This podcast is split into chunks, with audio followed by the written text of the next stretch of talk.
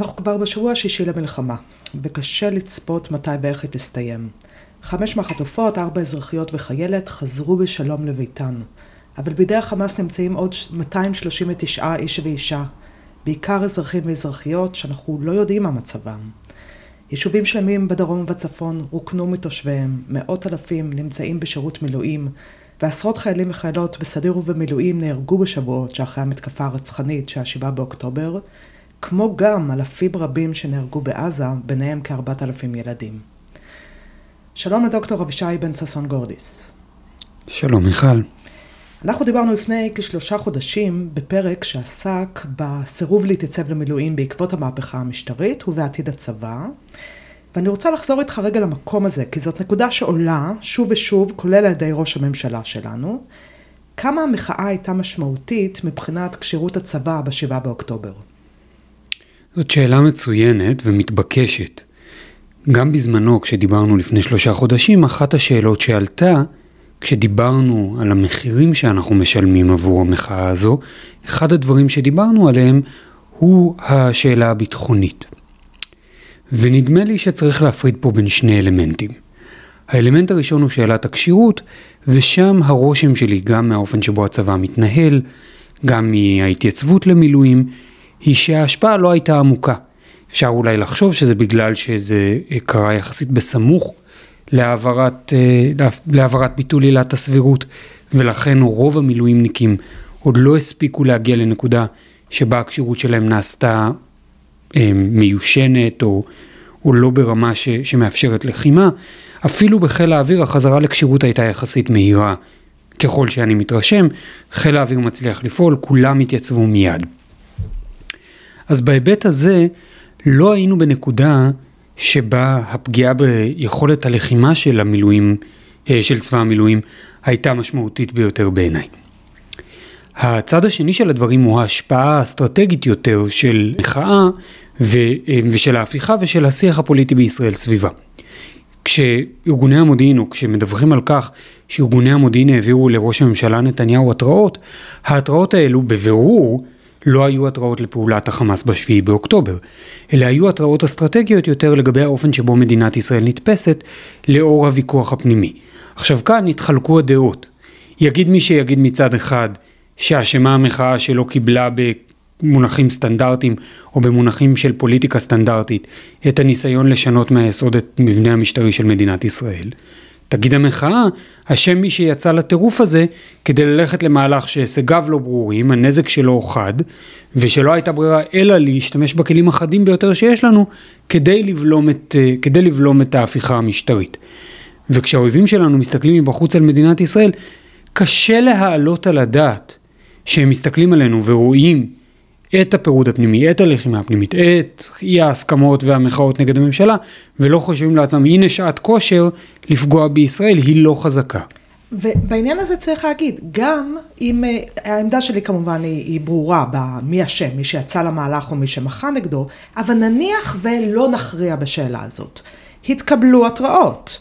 לא נעשה דבר. זאת אומרת, אמרו, יש פה נזק ממשי מהמהלך שאתם מובילים, נזק ביטחוני ממשי. כן, היו אזהרות מאוד ברורות לכך שההפיכה והמחאה נגדה וה, ועוצמת הלהבות הפוליטית שהרגע הפוליטי הזה שהממשלה הכניסה אותנו לסחרור סביבו יוצרים, גורמים לכך שישראל נתפסת כחלשה יותר על ידי האויבים שלה. והדבר הזה היה לווה בשתיקה מדינית, שלא לדבר שגם היה לפני עילת, אה, אה, ביטול עילת הסבירות, שנתניהו פשוט לא הסכים לשבת עם הרמטכ"ל ועם אה, ראשי מערכת הביטחון, שזה באמת דבר מדהים. אני רוצה אבל שכן רגע נדבר על, על, על בכל זאת השבעה באוקטובר. מדברים על שלושה מחדלים דרמטיים שקרו, המחדל המודיעיני, המחדל המבצעי והמחדל המדיני. אנחנו לא ועדת חקירה, שכידוע טרם קמה, אבל איך אתה רואה את הדברים? הזיהוי הזה של שלושת המחדלים נראה לי נכון. באמת כל אחד מהשלושה האלו התרחש, וצריך לומר יותר מזה, מספיק שאחד מן השלושה לא היה מתרחש, וכנראה לא היינו מוצאים את עצמנו באירוע באותה רמת חומרה. אז למה הכוונה? לו הייתה התראה מודיעינית ברורה, מהסוג שצה"ל יודע להגיב אליה והגיב אליה הרבה פעמים בעבר, זאת אומרת היו ניסיונות של חמאס לצאת לפעולות, אם לא בהכרח בהיקף הזה, בהיקף די משמעותי בעבר והן נבלמו. ועם ההבנה המודיעינית שהיכולת קיימת, שהייתה, הבנה שהייתה לנו מראש, הייתה מתרגמת להבנה שהיכולת עומדת לצאת אל הפועל, בין אם על בסיס מודיעין עדכני ובין אם על בסיס עדכון של אה, ההבנות המודיעיניות התשתיתיות שלנו, אז ניתן היה למנוע את זה. רמה למעלה מכך, גם אם אין מודיעין, או אין לך נגישות, מה שאתה עושה זה אתה נערך בכוחות צבאיים. ואם הכוחות בגזרה היו ערוכים לגזרה חמה, למשל כמו שאנחנו רואים עכשיו בלבנון, בלבנון כל יום יש ירי של נשק תלול מסלול, ונ"ט שנורה על ידי יחידות לא פחות אם לא יותר כשירות מאלה של חמאס. והעובדה, וניסיונות חדירה, והעובדה היא שזה לא מצליח יום אחרי יום, כי בגזרה נמצאת עכשיו, נמצא עכשיו כוח צבאי עצים, שערוך לפעילות ערנית מולו, תראה, קשה להשוות את זה עכשיו ללבנון, הרי פינו את היישובים. כן, כן, כן, חד משמעית, אה, חד משמעית. לא, אני גם אומר, אבל לו גם לא היו מפנים את היישובים, מידת הנפגעים, או רמת הנפגעים שהיינו רואים עכשיו באירועים שקורים בצפון, זה לא מה שקרה בשביעי באוקטובר בעזה. אני, אני, אני לא מומחית גדולה בצבא, זאת אומרת, אנחנו, יש בינינו פער, ולכן אתה, אתה כאן. אבל אני הבנתי שמספיק היה, וגם הפריסה עכשיו בצפון היא פריסה מאוד מאוד מסיבית, והרבה מחיל המילואים וכן הלאה. וזה לא מצב רגיל, זאת אומרת, יש שם אה, אה, עמידה למלחמה, שאף אחד לא ציפה שהדבר הזה יהיה בשבעה באוקטובר בדרום. אני הבנתי שמספיק והיה עוד גדוד אחד שם, המצב היה נראה שונה לחלוטין. אני לא רוצה להגיד מה היה היקף הכוחות הנדרש כדי לשנות את זה מהותית, אבל בואי נאמר שכל היישובים היו מתחילים סגורים לגמרי, ובכניסה לכל יישוב כזה היה מחסום שערוך. אז הכוחות של חמאס שנפרסים פנימה היו פוגשים התנגדות, אם חיל האוויר היה ערוך, שוב, זה לא עניין של המילואים, זה פשוט שאלה של איפה מחזיקים כוננויות של איזה טייסות ובאיזה צורה. אם חיל האוויר היה ערוך לפעולה מהסוג הזה, מתוך ציפייה שאולי אין לנו מודיעין אבל אנחנו ערוכים היטב מול הגזרה, אז דברים היו יכולים להיראות אחרת. אני לא אומר שזה סביר להיערך בצורה הזו. זה חשוב לומר, שלא ישתמע מדבריי ש...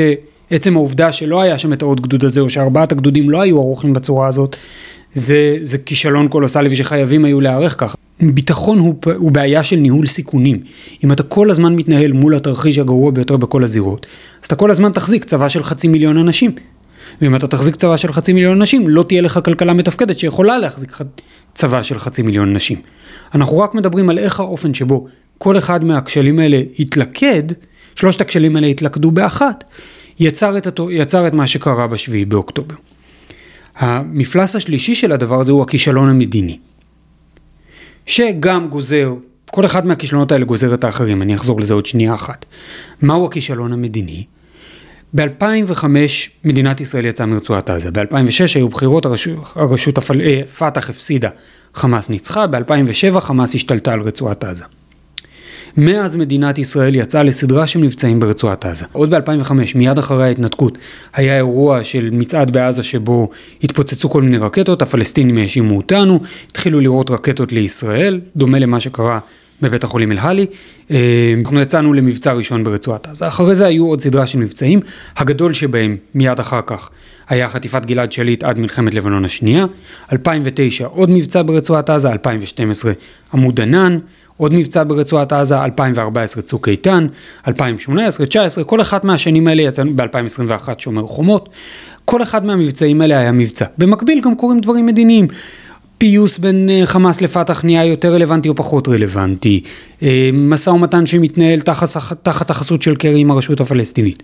לכל אורך התקופה הזאת, שמ-2009 ראש הממשלה במהלכה הוא בנימין נתניהו, אפילו ב-2021 זה הרי קורה כשהוא ראש ממשלת מעבר דקה לפני שהוא מעביר את המפתחות לבנט ולפיד. ראש הממשלה הוא נתניהו בכל התקופות האלה. בכל התקופות האלה הוא מקדם מדיניות של בוא נחזור למצב היסוד עד כמה שאפשר, ניתן איזה ויתורים שצריכים כדי לתחזק את הפסקת האש הדרוכה הזאת עם חמאס, ובגדה המערבית, ביהודה ושומרון, הרשות הפלסטינית נמצאת שם, אנחנו נשתדל עד כמה שאפשר, א', לבדל בין השניים, וב', להחליש את הרשות כנראה מתוך תפיסה של לתת ויתורים לרשות זה א' יקר פוליטית וב' עלול להוביל למציאות שבה נדרשים ויתורים מדיניים שנתניהו לא מוכן להם. השילוב של כל הדברים האלה גורם לכך שחמאס מסוגלת לבנות את הכוח שלה, ישראל הולכת ומשכנעת את עצמה שהיא צריכה להחזיק את חמאס מוכלת, לא חלשה מדי כדי שהיא תוכל להחזיק את רצועת עזה עבורנו, אבל לא חזקה מדי כדי שהיא לא תוכל להכות בנו. יכול להיות שהצלחנו עם הלא חלשה מדי, כנראה שלא הצלחנו עם הלא חזקה מדי, וקורה עוד דבר במקביל. הלחץ של נתניהו להסיט את המבט למקומות אחרים.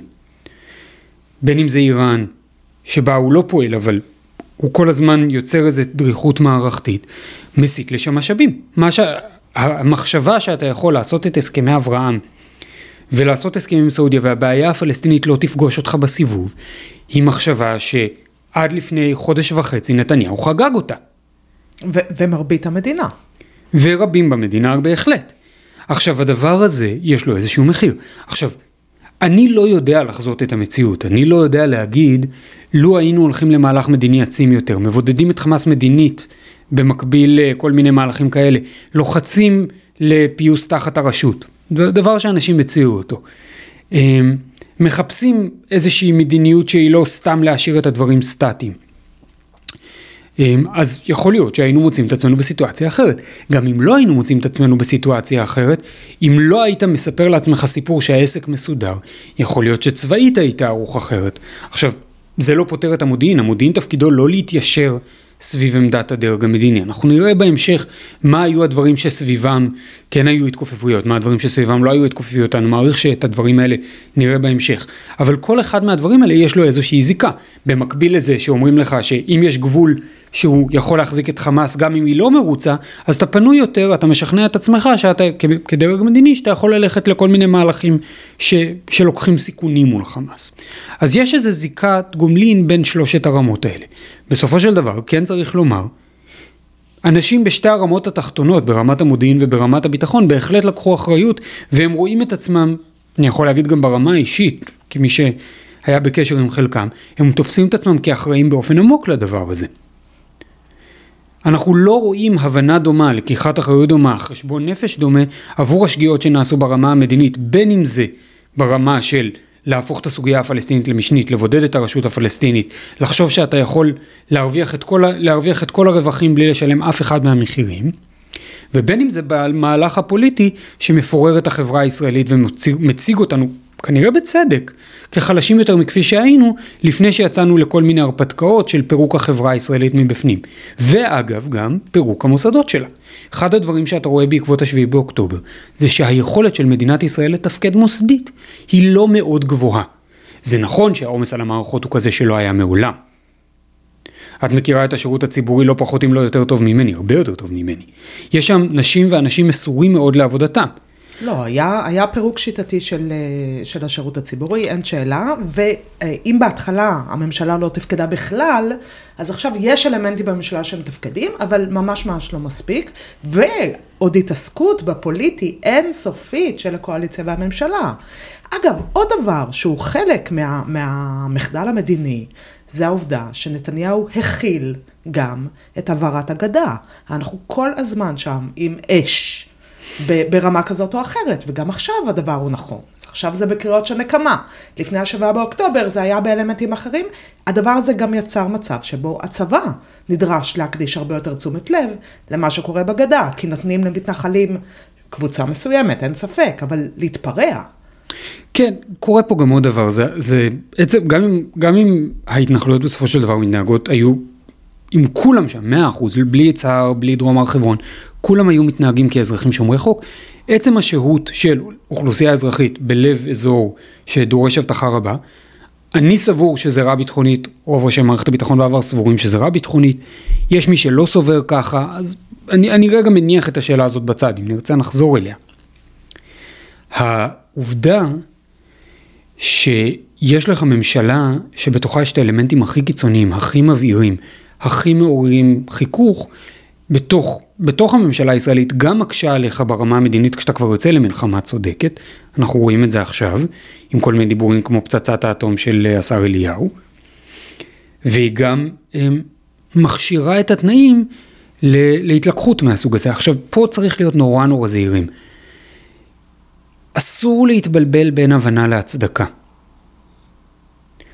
לפעמים אתה פועל באופנים שיגרמו לאויב שלך להגיב בדרכים, בדרכים חזקות ועצימות ושמגבירות את הסיכון שלך, כי אתה מגיע למסקנה שזה, שהפעולות שלך שוות את זה. בסדר? האמירה שלי שאני עומד להגיד עכשיו היא לא אמירה אל תעשו שום דבר שמרגיז אף אחד מהאויבים שלנו. אני כן אומר, אל תפעל באופן שהוא מיותר על מנת לייצר חיכוכים שגם מרגיזים את האויב שלך. זאת אומרת, יכול להיות שחמאס לא הייתה שום, צריכה שום תירוץ בשביעי באוקטובר כדי לצאת לפעולה מהסוג שהיא יצאה אליו. ואם לא היית מייצר לך תירוצים בשביעי באוקטובר או בתקופה שלפני כן, היא הייתה מוצאת תירוץ בזמן אחר. לכן אני לא אומר, הדבר שאני עומד להגיד עכשיו הוא לא אמירה שהנה בגלל זה קרה הדבר. הדבר קרה כי חמאס היא תנועה רצחנית שתופסת את הדרך שלה להגיע למימוש יעדיה הלאומיים וליעדיה הדתיים על ידי הרג מסיבי, חסר הבחנה, ביצוע פשעי, פשעים נגד האנושות ופשעי מלחמה. ומטרתה להשמיד את ישראל. ומטרתה להשמיד את ישראל ולמחוק אותה, ויותר מזה מטרתה גם, לא יותר מזה, ובמקביל מטרתה גם למחוק כל שלטון חילוני בזירה הפלסטינית, אוקיי? כל הדברים האלה נכונים.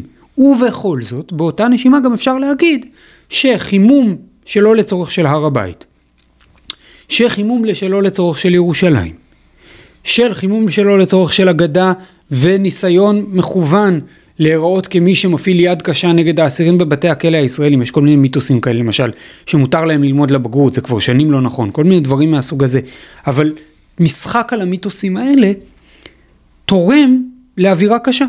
עכשיו אם הוא תורם לאווירה קשה באופן שמשרת מטרות חשובות, אחלה. זאת אומרת, יש מי שיגיד עכשיו שמה שקורה בגבול הצפון משרת צרכים ביטחוניים של ישראל. ושלכן לא נכון מצד ישראל להתנהג באופן זהיר ומחושב ואני לא יודע מה. כן, שמעו גם את גלנט, אה, שמתאר שהוא חשב לעשות מתקפת פתע על... על... אה, ואלה עמדות רציונליות, בין אם מסכימים איתם ובין אם לא מסכימים איתם. חלק ממה שנעשה על ידי השותפים הקואליציוניים של נתניהו, אלה עמדות ששאובות יותר, או פעולות ששאובות יותר מהמרחב של פוליטיקה אה, משיחית. פוליטיקה שבה אלוהים הוא שחקן. סיפר לי מישהו השבוע שהוא שמע פעם דיווח על שיחה שלמישהו היה עם, שלמישהו היה עם אה, מאיר כהנא, ושהוא שאל את מאיר כהנא, אתה לא מבין שהפעולה שלך תוביל לניכור בינלאומי של ישראל, ולבידוד שלה, ולסכנות ביטחוניות איומות וכן הלאה וכן הלאה וכן הלאה? ענה לו כהנא, אתה יודע מה ההבדל ביני לבינך? אז הוא אמר לו לא, אז הוא אמר לו, אני מאמין באלוהים. עכשיו, אם אלוהים הוא שחקן אקטיבי בפוליטיקה שלך, אז אתה מנהל פוליטיקה אחרת מהפוליטיקה שאנחנו מנהלים. אגב, אחרת גם מהפוליטיקה שבנימין נתניהו מנהל. כן. זאת אומרת, הפוליטיקה של בנימין נתניהו היא לא פוליטיקה שבה אלוהים הוא שחקן אקטיבי. בזה הוא שונה לחלוטין מחלק מהשותפים הקואליציוניים שלו עכשיו. אבל הנכונות שלו להכניס את האנשים שעבורם אלוהים הוא שחקן אקטיבי בפוליטיקה, היא, היא דבר של גורר איתו סיכונים. ואת הסיכונים האלה הוא לא חישב אל תוך הפעולה שלו. וכשאנחנו מדברים על אחריות, זה רכיב בדבר הזה. ועל זה היו אזהרות בזמן אמת. לחלוטין. הממשלה הציבה שתי מטרות מרכזיות אה, למלחמה הזאת, שהן מיטוט יכולות החמאס והחזרת החטופים והחטופות. האם המטרות האלה עולות בקנה אחד? אז קודם כל, אני מודה שלא ראיתי את מטרות המלחמה, מטרות המלחמה נקבעו, זאת אומרת לקח להם כמה ימים להתגבש, אבל מטרות המלחמה נקבעו, אני מודה שלא ראיתי אותן. אני לא בטוח עד הסוף שהניסוח הוא להחזיר את החטופים ולא משהו קצת יותר זהיר מזה. בעקבות מלחמת לבנון השנייה, מדינת ישראל מבינה שהיא לא תחזיר את כל החטופים כנראה בפעולה צבאית. יותר מזה, אני חושב שזה גם די נאמר סביב השחרור של אורי, שעליו נאמר, זאת אומרת עשינו את זה, לא בטוח שנוכל לשכפל את הפעולה הזאת שוב ושוב ושוב.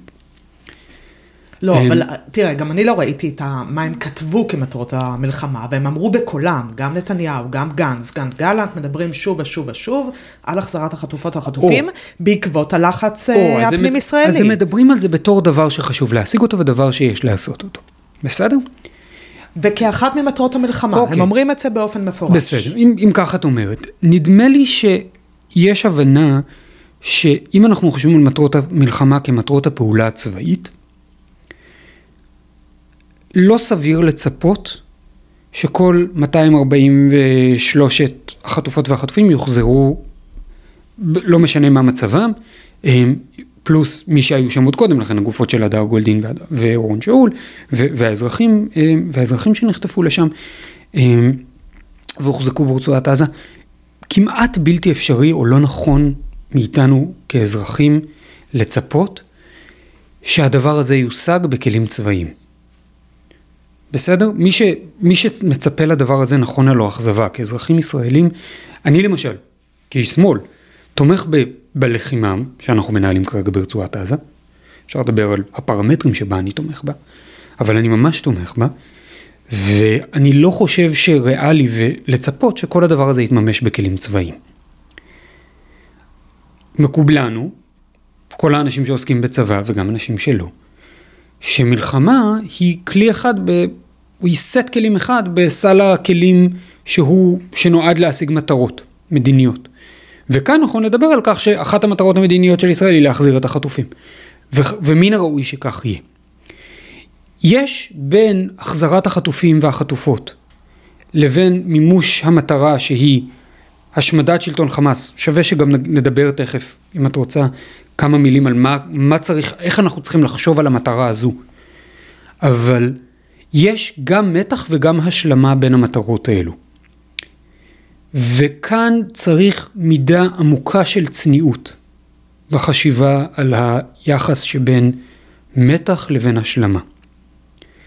מעולם לא היה משבר חטופים שנראה כמו משבר חטופים שאנחנו מתמודדים איתו כרגע. אתה מדבר לא רק על ישראל. לא היה דבר כזה.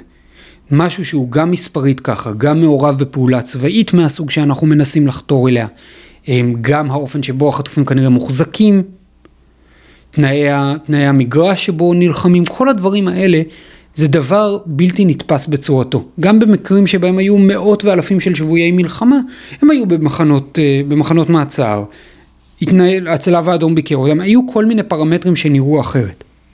לא היה דבר כזה, ולכן כל מי שיודע להגיד בפסקנות איך העסק הזה הולך להתנהל, אני נזהר. זה רק נביאים. כן, נביאים ושרלטנים. וקשה לדעת עד שאתה רואה את הדברים בדיעבד מי היה מה, וגם אז אתה לא יודע אם זה שרלטן שהיה לו מזל. אז אני ממש זהיר באמירות כאן. בכל זאת אפשר להגיד כמה דברים. למה השלמה ולמה מתח? מתח יחסית ברור. הדרך הפשוטה ביותר כנראה להחזיר את החטופים הייתה ב-8 באוקטובר להפסיק את ההפצצות, להודיע שאנחנו נשלם כל מחיר שנדרש על מנת לשחרר את מי שנמצא ברצועת עזה, ולשלם את המחיר הזה. והיינו כנראה מקבלים את רוב רובם של מי שנחטפו. זאת לא הייתה פעולה, ש... זה לא דבר שישראל יכולה הייתה לעשות אסטרטגית, בסדר? כי במקביל לעובדה שיש משבר חטופים איום ונורא, איום ונורא, גם הביטחון של מדינת ישראל במובנו העמוק, האישי, הלאומי, הצבאי, הוא עורער על ידי הפעולה של חמאס בשביעי באוקטובר.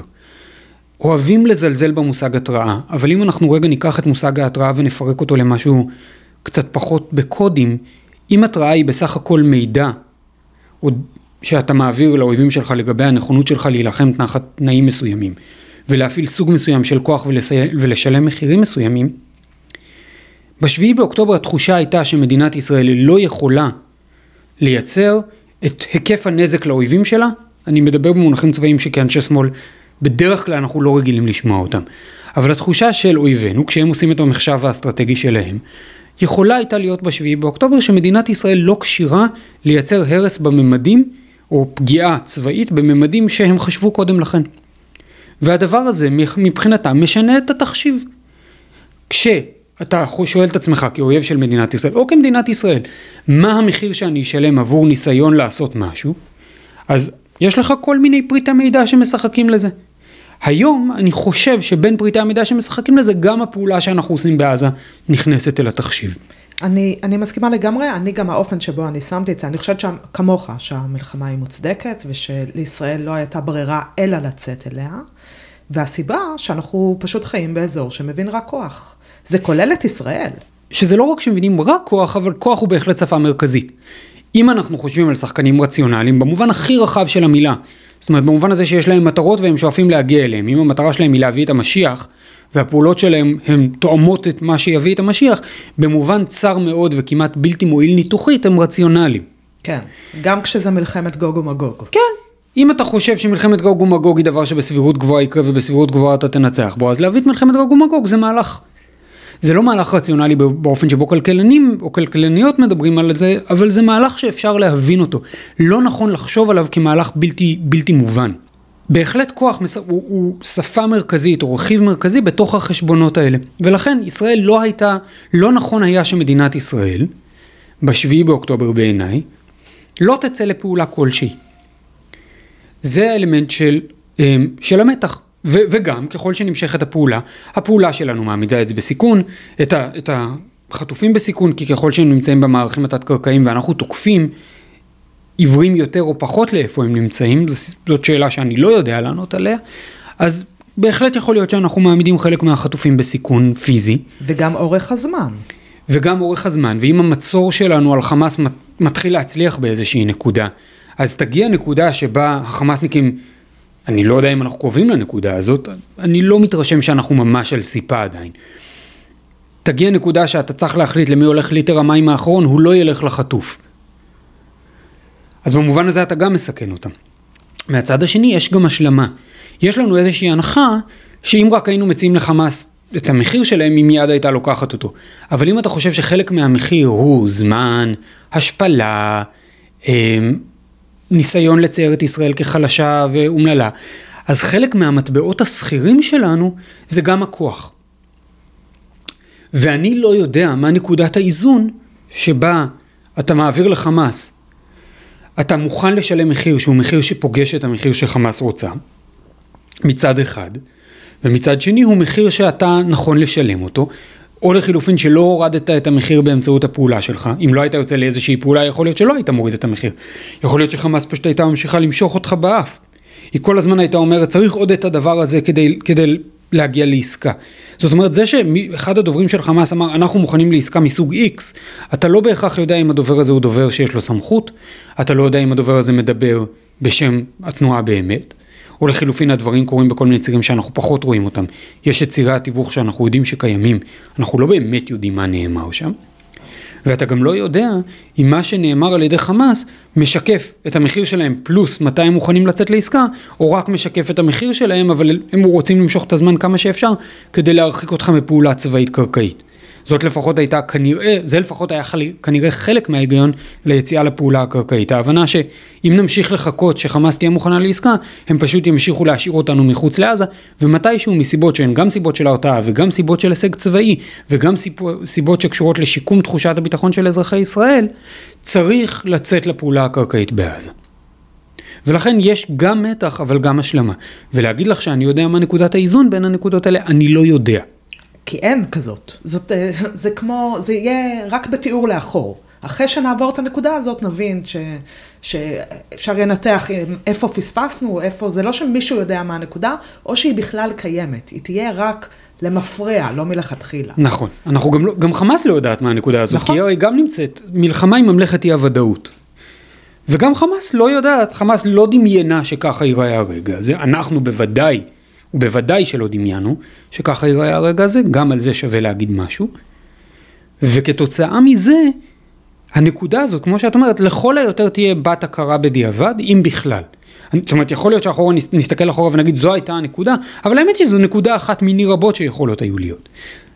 זהו, עד כאן על המטרות. מבחינת מיטוט אה, יכולות החמאס? אז מיטוט יכולות החמאס, בימים הראשונים היה דיבור רטורי בעיקר, שעסק במחיקת חמאס, השמדת חמאס וכל מיני דברים כאלה, ואז אנשים מיד ענו בחזרה, אתה לא יכול להשמיד רעיון, שזה לא לגמרי נכון, אבל המחיר של השמדת רעיון הוא הרבה פעמים הרבה יותר גבוה והרבה יותר ארוך טווח, והוא לא כרוך רק בפעולה צבאית ברוב המקרים. לפעמים כן. אז למשל, הנה, חמאס השמידה לנו רעיון, לא את הרעיון של מדינת ישראל, אבל בהחלט השמידה לנו רעיון בשביעי באוקטובר. מה שנקרא קונספציה. כן, אני...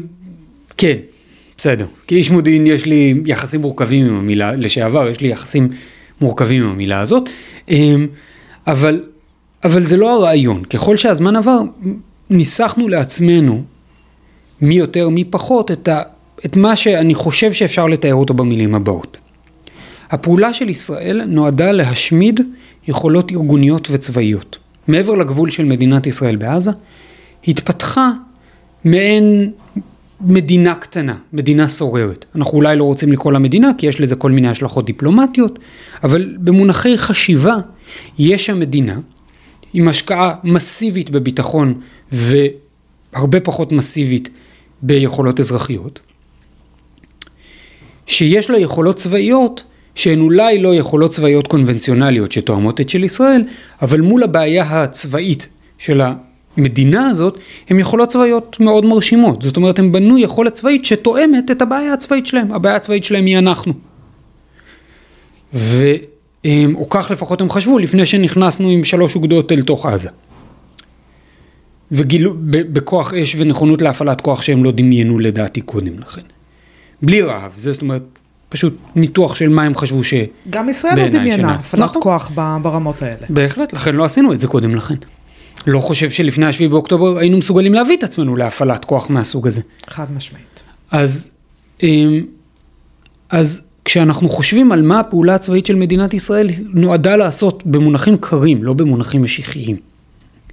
וגם לא במונחים טעונים רגשית, לא שרגש זה בהכרח דבר רע, זה דבר, זה מרכיב מהותי במי שאנחנו כבני אדם, יש איזו נטייה לזלזל בזה, בדיבור על קבלת החלטות, אני לא מזלזל בזה. אני אומר אבל במחשבה אסטרטגית, אנחנו הגענו אחרי השביעי באוקטובר למסקנה שאם קודם לכן חשבנו שאנחנו יכולים לחיות ליד המדינה הזאת, בתנאים שקבילים עבורנו, במחירים ובעלויות ובהזדמנויות שאנחנו יכולים לחיות איתם, בעקבות השביעי באוקטובר המסקנה הזו השתנתה. אנחנו לא יכולים לחיות ליד הדבר הזה כי אזרחים ברצועת גבול משמעותית שלנו לא יוכלו לחיות בבתים שלהם, זה לא מקובל עלינו.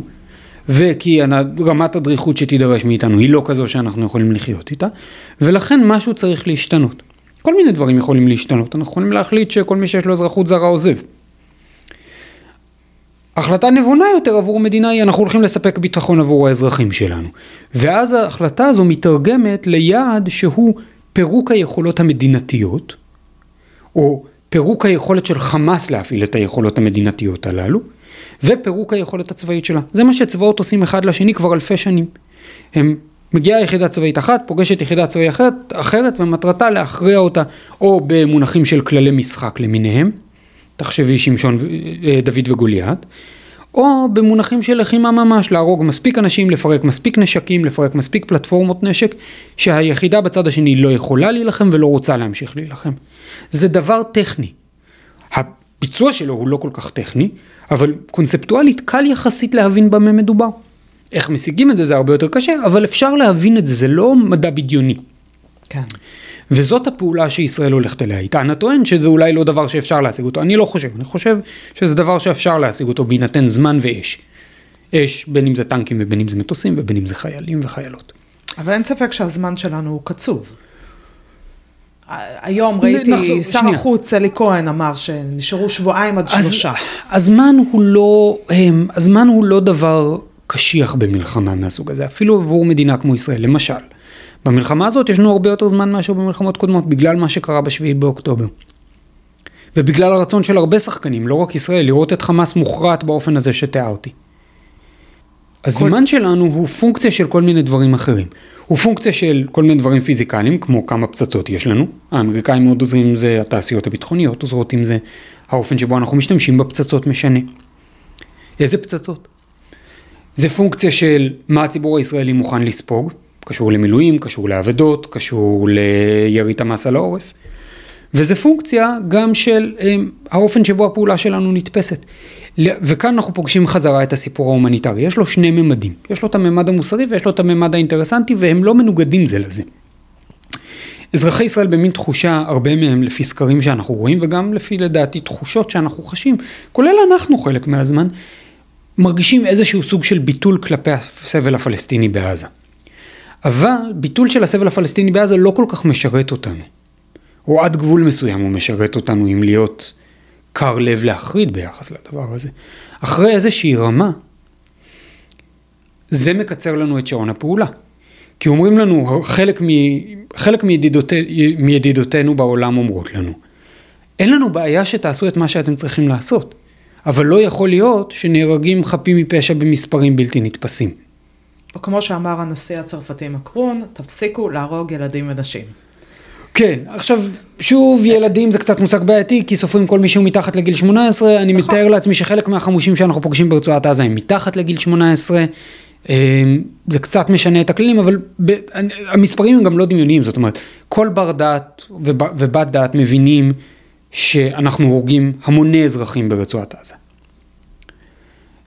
יגיד, הם, חלק מהאנשים אומרים ולא אכפת לי, או הם אה, בחרו בחמאס, אני לא חושב שזה נכון, אבל בוא נגיד שזה גם אם מקבלים את זה, אז ברמה האינטרסנטית צריך להיות לישראלים אינטרס מכל מיני סיבות לייצר מרחבים הומניטריים מוגנים, שאליהם האנשים הללו יכולים להימלט, גם כי זה מוציא אותם מהשליטה של חמאס. קודם אמרתי ש, שלצד המטרה הצבאית יש לנו גם את המטרה של להוציא את השליטה במנגנון המדינתי של עזה מידי חמאס. כאן אתה לא רוצה לגמרי לפרק את היכולות, מישהו צריך להפעיל בתי ספר ברצועת עזה אחרי זה, מישהו צריך להפעיל את הביוב, מישהו צריך להפעיל משטרה, כי מקומות שבהם הביטחון האישי מתפורר, זה הולך או למשפחות פשע או לכל מיני ארגונים כמו דאעש, זה לא מה שאנחנו רוצים. מישהו צריך להפעיל את המנגנון המדינתי הזה, אנחנו פשוט לא רוצים שזה יהיה חמאס. אז את, יש לנו כישראלים לדעתי שאיפה, או צריך, צריכה להיות לנו שאיפה, שהמענה ההומניטרי יהיה כזה שכבר מוציא את המנגנון המדינתי מידי חמאס, מוציא את האזרחים מאזורי פגיעה, מוציא את חמאס מתוך האוכלוסייה האזרחית, זאת שאלה למה מתכוונים בחמאס, אבל אפשר לתת לה כל מיני תשובות ולפעול על בסיסן, וזה צריך להיות אינטרס ראשון במעלה שלנו, כי זה מעריך את, שעון, את, שעון, את השעון המדיני שלנו. ומאידך יש דברים שגם מקצרים את השעון המדיני שלנו. כשבעולם שומעים אותנו מדברים על נכבה, מדברים על חיות אדם בלי הבחנה בין חמאס לבין האוכלוסייה האזרחית. לא משנה מה אתה חושב. זאת אומרת, כן משנה מה אתה חושב בעיניי. אבל גם אם, גם לו זה לא היה משנה, כמהלך אינטרסנטי שבו אנחנו מבינים שיש לנו אינטרס להעריך את הפעולה הצבאית בעזה, כי זה מאפשר לנו לנוע יותר חזק, יותר בביטחון, יותר מוגן, אמ, גם אם זה מאפשר לחמאס לעבור מאזור אחד לאחר, תאורטית פעולה זהירה ואיטית יותר הייתה מאפשרת לנו, גם לנו, לעבור מאזור אחד לאחר ולא, ולא לסיים במקום אחד. ואולי אפילו להצליח לפגוע פחות בבלתי מעורבים. ויותר, כן, הייתה יכולה לאפשר לנו אולי לפגוע, יותר, לפגוע פחות בבלתי מעורבים. יש שם איזשהו, שוב, מתח והשלמה בין הדברים הללו. אז כן, אתה נותן לחמאס איזשהו מרווח נשימה בדבר הזה. מצד שני, המחשבה ש... כל רכיב הומניטרי ספציפי הוא איזה הם, כרטיס זהב שיפתור לך את הבעיה בעזה. אני חושב שחלק מהבעיה שלנו זה שאנחנו מחפשים פתרון קסם, בייחוד למנהרות. אז שכנענו את עצמנו עכשיו שזה יהיה הדלק, או להפציץ את בתי החולים. כל אחד מהדברים האלו הוא אלמנט במהלך הכולל, אבל חשיבה במונחים של פתרונות קסם לא משרתת אותנו. כן. תראה, אני רוצה שנייה באמת לקחת אותנו צעד אחד קדימה. ראינו מה התפיסות המדיניות של ישראל, מה, לאן הם הובילו אותנו? חיזוק החמאס לצורך החלשת הרשות, התפיסה שניתן לנהל את הסכסוך, כל הסיפור של השסע הפנימי הבלתי נתפס סביב המהפכה המשטרית. אם אנחנו נרצה להציג תפיסה שמאלית מדינית ליום שאחרי השבעה באוקטובר, מה אפשר להציע כעת? איך אנחנו אמורים לסיים את המלחמה הזאת? מתי? באיזה אופן? ו- ו- ומה המשטר שאחראי? זאת שאלה מצוינת וחשובה.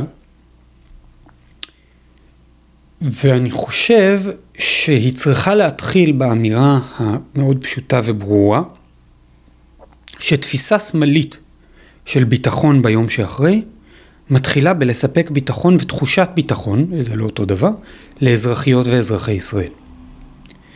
ולכן תנאי בסיסי לכל מענה שיגיע ביום שאחר כך, צריך להתחיל מזה שיש ביטחון. זה לא יתח... יכול להתחיל מאמירות על תקוות מדיניות.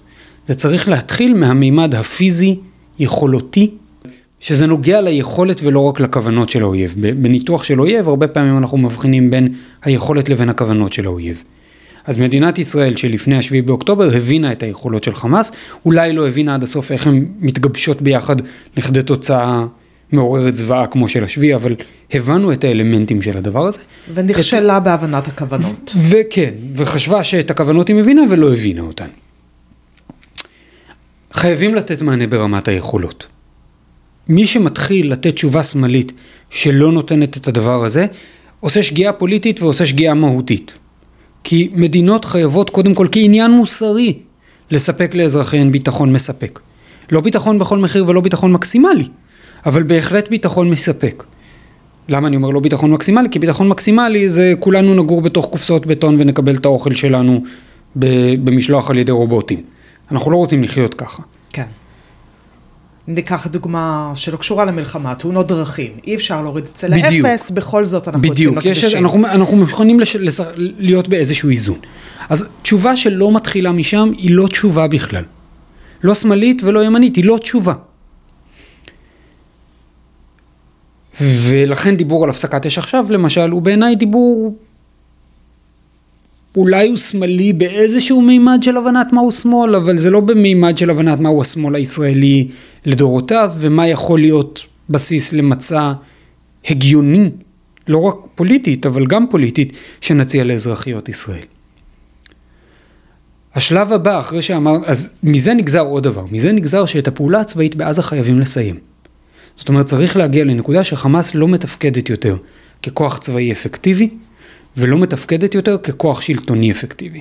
שגם את זה צריך לזכור, זה לא שנגיע ל-100% העלמה של חמאס. לא. אי אפשר, לה, אולי אפשר לייצר את זה, אבל המחיר כדי לעשות את ה-X אחוז האחרונים יהיה בלתי נתפס. הפעולה הצבאית צריכה להיות כזו, שבסופה חמאס חדלה לתפקד ככוח צבאי מאורגן, היררכי סדור, ונמשכת פעולה ביטחונית כנראה ישראלית, כי אף אחד אחר לא יעשה את זה באופן שבו אנחנו נעשה את זה, אבל בעולם דמיוני שבו מישהו אחר היה עושה את זה, הייתי אומר כן, אני לא רואה עולם כזה, אז זה לא משנה. נמשכת פעולה מול מה שהאמריקאים קוראים insurgency. הלחימת יותר גרילה, פחות מאורגנת, יותר אינדיבידואלית, נגד הכוחות שממשיכים לפעול בשטח. זאת אומרת, בסוף הדבר הזה, אני מדמיין בדומה אגב למה שאומרים דוברים של ממשלת ישראל, שחופש הפעולה הצבאי של ישראל ברצועת עזה נשמר, לפחות כמו, לתקופה מסוימת. כמו בגדה. כמו בגדה, אחרת מהגדה, זה לא יראה בדיוק אותו דבר, כי השטח לא נראה אותו דבר. אבל כן, הדבר הזה נמשך. ואת פרויקט המנהרות צריך לפרק, כי אם אתה לא מפרק אותו, התשתית הזאת נשארת שם. אז צריך איזושהי פעולה צבאית או פעולה, סליחה, פעולה גיאוגרפית, שאת הדבר הזה בהדרגה הולכת ומפרקת ומונעת ממנו להיבנות מחדש. כל זה לדעתי הוא תנאי בסיס. במקביל, לא לאחר מכן, וזאת צריכה להיות התשובה שלנו, מדינת ישראל צריכה להבין שהאמירה אנחנו לא רוצים לשלוט ישירות בעזה, משמע שמישהו אחר צריך לעשות את זה. והמישהו הזה, כנראה באופן האפקטיבי ביותר, שינהל את שכבת החיים המאוד עזה הזו, צריך להיות פלסטיני, וצריך להיות עם גיבוי בינלאומי וערבי. כי את הכסף לא אנחנו נשלם, מדינת ישראל פשוט כ... זאת אומרת, אפילו שיש לנו עניין ביטחוני לחלוטין, שהרחובות של עזה יהיו מרוצפים בזהב ביום שאחרי המלחמה. רכבים, שדרות רחבות שטנק יכול לנוע בהן, מרוצפות מזהב כדי שיהיה לזה גם מחיר ללעשות את זה וגם להפחית את המוטיבציה עבור אחוז מסוים מתוך האנשים להצטרף ללחימה. עדיין יישארו לך הדתיים המשוגעים. אנחנו לא הולכים לשים את הכסף הזה. אחרי השביעי באוקטובר לא יהיה שקל ישראלי אחד שייכנס לעזה. ככה זה. אז כשאנחנו חושבים על איך הדבר הזה ייראה, אנחנו כבר רואים חלק מהפרמטרים. זה צריך להיות, צריך להיות בזה מעורבות של שחקניות ערביות, צריך להיות בזה מעורבות פלסטינית. זה כנראה יהיה פקידות של הרשות הפלסטינית לשעבר ברצועת עזה, גם אם אתה לא רוצה להודות בפני עצמך שזה הרשות הפלסטינית, ואנחנו צריכים להודות בפני עצמנו שזה הרשות הפלסטינית, שהיא, אני לא מדמיין אותה כשלטון אפקטיבי כיום, היא לא. לכן היא לא יכולה לעשות את זה בכוחות עצמה, בכוחות עצמה כרגע היא תהיה failed state ויקרה להם מה שקרה ב-2007, ההבדל הוא שעכשיו יש לנו את התבונה בדיעבד של 2007, ואנחנו לא נצא משם ביטחונית מיידית, או לא נפסיק לפעול שם ביטחונית מיידית. בעיניי השאיפה צריכה להיות מה שהיא הייתה במובן מסוים עוד קודם לכן, זאת אומרת צריך להיות שאיפה של הצמצום של החיכוך האזרחי בין ישראל לבין הפלסטינים. זה יכלול בגדה המערבית בעיניי גם פינוי מסיבי של התנחלויות אה, מרוחקות גדר. לא בהכרח התנחלויות, זאת אומרת לא התנחלויות צמודות גדר. זה, זה סיפור אחר. עכשיו זה נשמע כמו מדע בדיוני כרגע לדבר במושגים האלה. אבל אם אחת ההבנות שלנו היא ש... הניסיון לדחוק את הסיפור הפלסטיני לשוליים לא הצליח לנו, אז השאלה היא מה ה engagement או מה האופן שבו אנחנו פוגשים את הסיפור הפלסטיני באופן שמשרת את מטרותינו. מטרותינו בעיניי הן לא לשלוט בכל השטח שבין הירדן לים, אלא להתקיים בביטחון בגבולות בטוחים ולקיים במרחב הזה מדינה שיש בה רוב יהודי והיא מדינה דמוקרטית. זאת הייתה המטרה קודם לכן, זאת המטרה גם עכשיו. גבולות בטוחים אומר שברצועת עזה אתה חייב לנצח את חמאס עד הסוף.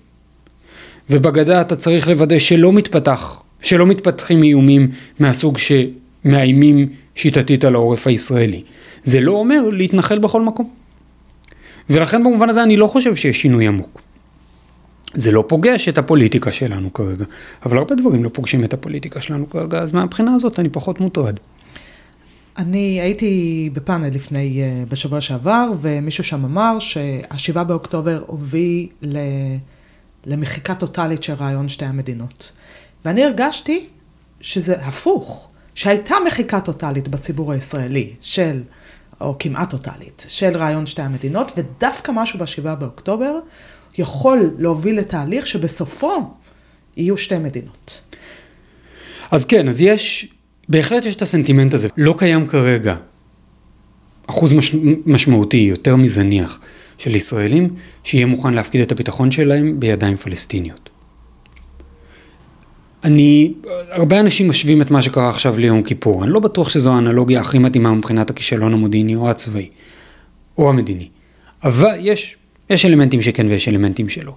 אבל די מהר אחרי, אמ, אחרי מלחמת יום הכיפורים, מצאנו את עצמנו בשיחות שלום עם המצרים שקודם לכן סירבנו להם. אנחנו נעשינו צנועים יותר בהבנת מקומנו בעולם. מצד אחד, בעודנו גם נעשים הרבה יותר חזקים צבאית. ולכן, איך זה יתפתח ביום שאחרי, אני לא בהכרח יודע. זאת אומרת, הולך להיות לנו קרב פוליטי לספר את הסיפור של היום שאחרי. בבחירות הקרובות, אם הן תהיינה בזמן סביר ביחס למלחמה, הליכוד יצטמצם משמעותית והמפלגות שמימין וממרכז לא יגדלו. זאת אומרת, יגדלו, הקול, יגד, יגברו הקול, הקולות שקוראים להשמדה של הפלסטינים, לנכבה, לגירוש, להתנחלות מחדש. אנחנו כבר רואים את זה. ומצד שני גם יגברו הקולות, כנראה, של מה שנמצא ממרכז לזה. האם הקולות האלה יש להם יכולת אמ, להוביל למהלך בסגנון קמפ דיוויד? לא בהכרח, זאת אומרת, ייתכן בהחלט שכן. ואם זה בהחלט, ואם זה אפשרי, אז דווקא איזשהו מתאר של פעולה מדינית מול הפלסטינים, אני לא רוצה להגיד שתי מדינות, כי זה לא ייראה מיד כמו שתי המדינות שעליהן דיברנו בשנת 2000, או בשנת 2006, אבל יכול להיות שיצא מתוך הדבר הזה משהו אחר, אם נבנה מחדש את עזה באופן שמשרת את הדבר הזה, אם נצליח להביס את חמאס באופן משמעותי. הדברים, אם המחיר של המאבק המזוין יתחדד גם לישראלים וגם לפלסטינים. כרגע בעיקר לפלסטינים, אני חושב שאולי בהבנה בדיעבד יכול להיות שגם לישראל. אז הדבר הזה יכול להיות כן בהחלט פתח לשינוי במציאות הזו. בהקשר הזה שווה לשים לב שבשבועיים האחרונים ישראלים שמעו על הרשות הפלסטינית, על הרשות הפלסטינית ומה היא חושבת ומה היא אומרת, יותר מאשר בעשור שלפני כן. אז כבר אנחנו רואים שיש איזשהו שינוי. האם השינוי הזה הולך לשתי מדינות? אני לא יודע. האם הוא מייצר מרחבי הזדמנויות שלא היו קודם לכן? אני חושב שכן. ובנוסף, גם צריך לומר, קיבלנו צ'ק פתוח מהאמריקאים להילחם את המלחמה הזאת. כן, הצ'ק הזה הוא בסופו של דבר במידה מסוימת לפחות הלוואה. ההלוואה הזאת היא, המחיר שלה יהיה איזשהו מחיר בערכים הדמוקרטיים, כלומר ביצור הערכים הדמוקרטיים של מדינת ישראל. יהיה לזה איזשהו מחיר גם במהלכים המדיניים שנידרש לעשות. כבר עכשיו את שומעת דוברים בממשלת ישראל מדברים על שלטון פלסטיני עצמי, הם אומרים לא הרשות הפלסטינית כי היא משלמת למחבלים. אוקיי, אבל אז אתה מנקה את זה ואתה נשאר עם המילים האמיתיות, אתה מגלה שבעצם הם מדברים במונחים שהם לא העזו להעלות על בדל שפתיהם כבר שנים. ובהקשר הזה אני חושב שייתכן, שייתכנו התפתחויות של כמוך. אני חושב שייתכנו התפתחויות שקודם לא יכולנו להעלות אותן על דעתנו. כן. אז אני אשאיר אותנו עם אה, דוק של אופטימיות. דוקטור אבישי בן ששון גורדיס, מרצה במחלקה הממשל באוניברסיטת הרווארד ועמית במכון מולד, תודה רבה שבאת שוב היום לדבר איתי. בשמחה, תודה רבה שהזמנת אותי, ובאיחול גם לניצחון במלחמה וגם לשחרור החטופים. אמן ואמן. תודה רבה גם לכם ולכן שהייתם איתנו. אם הפרק הזה עניין אתכם, שילחו אותו לחבר או חברה. תירשמו לעדכונים באפליקציית הפודקאסטים החביבה עליכם, ותנו חמישה כוכבים לפודקאסט. זה יעזור מאוד.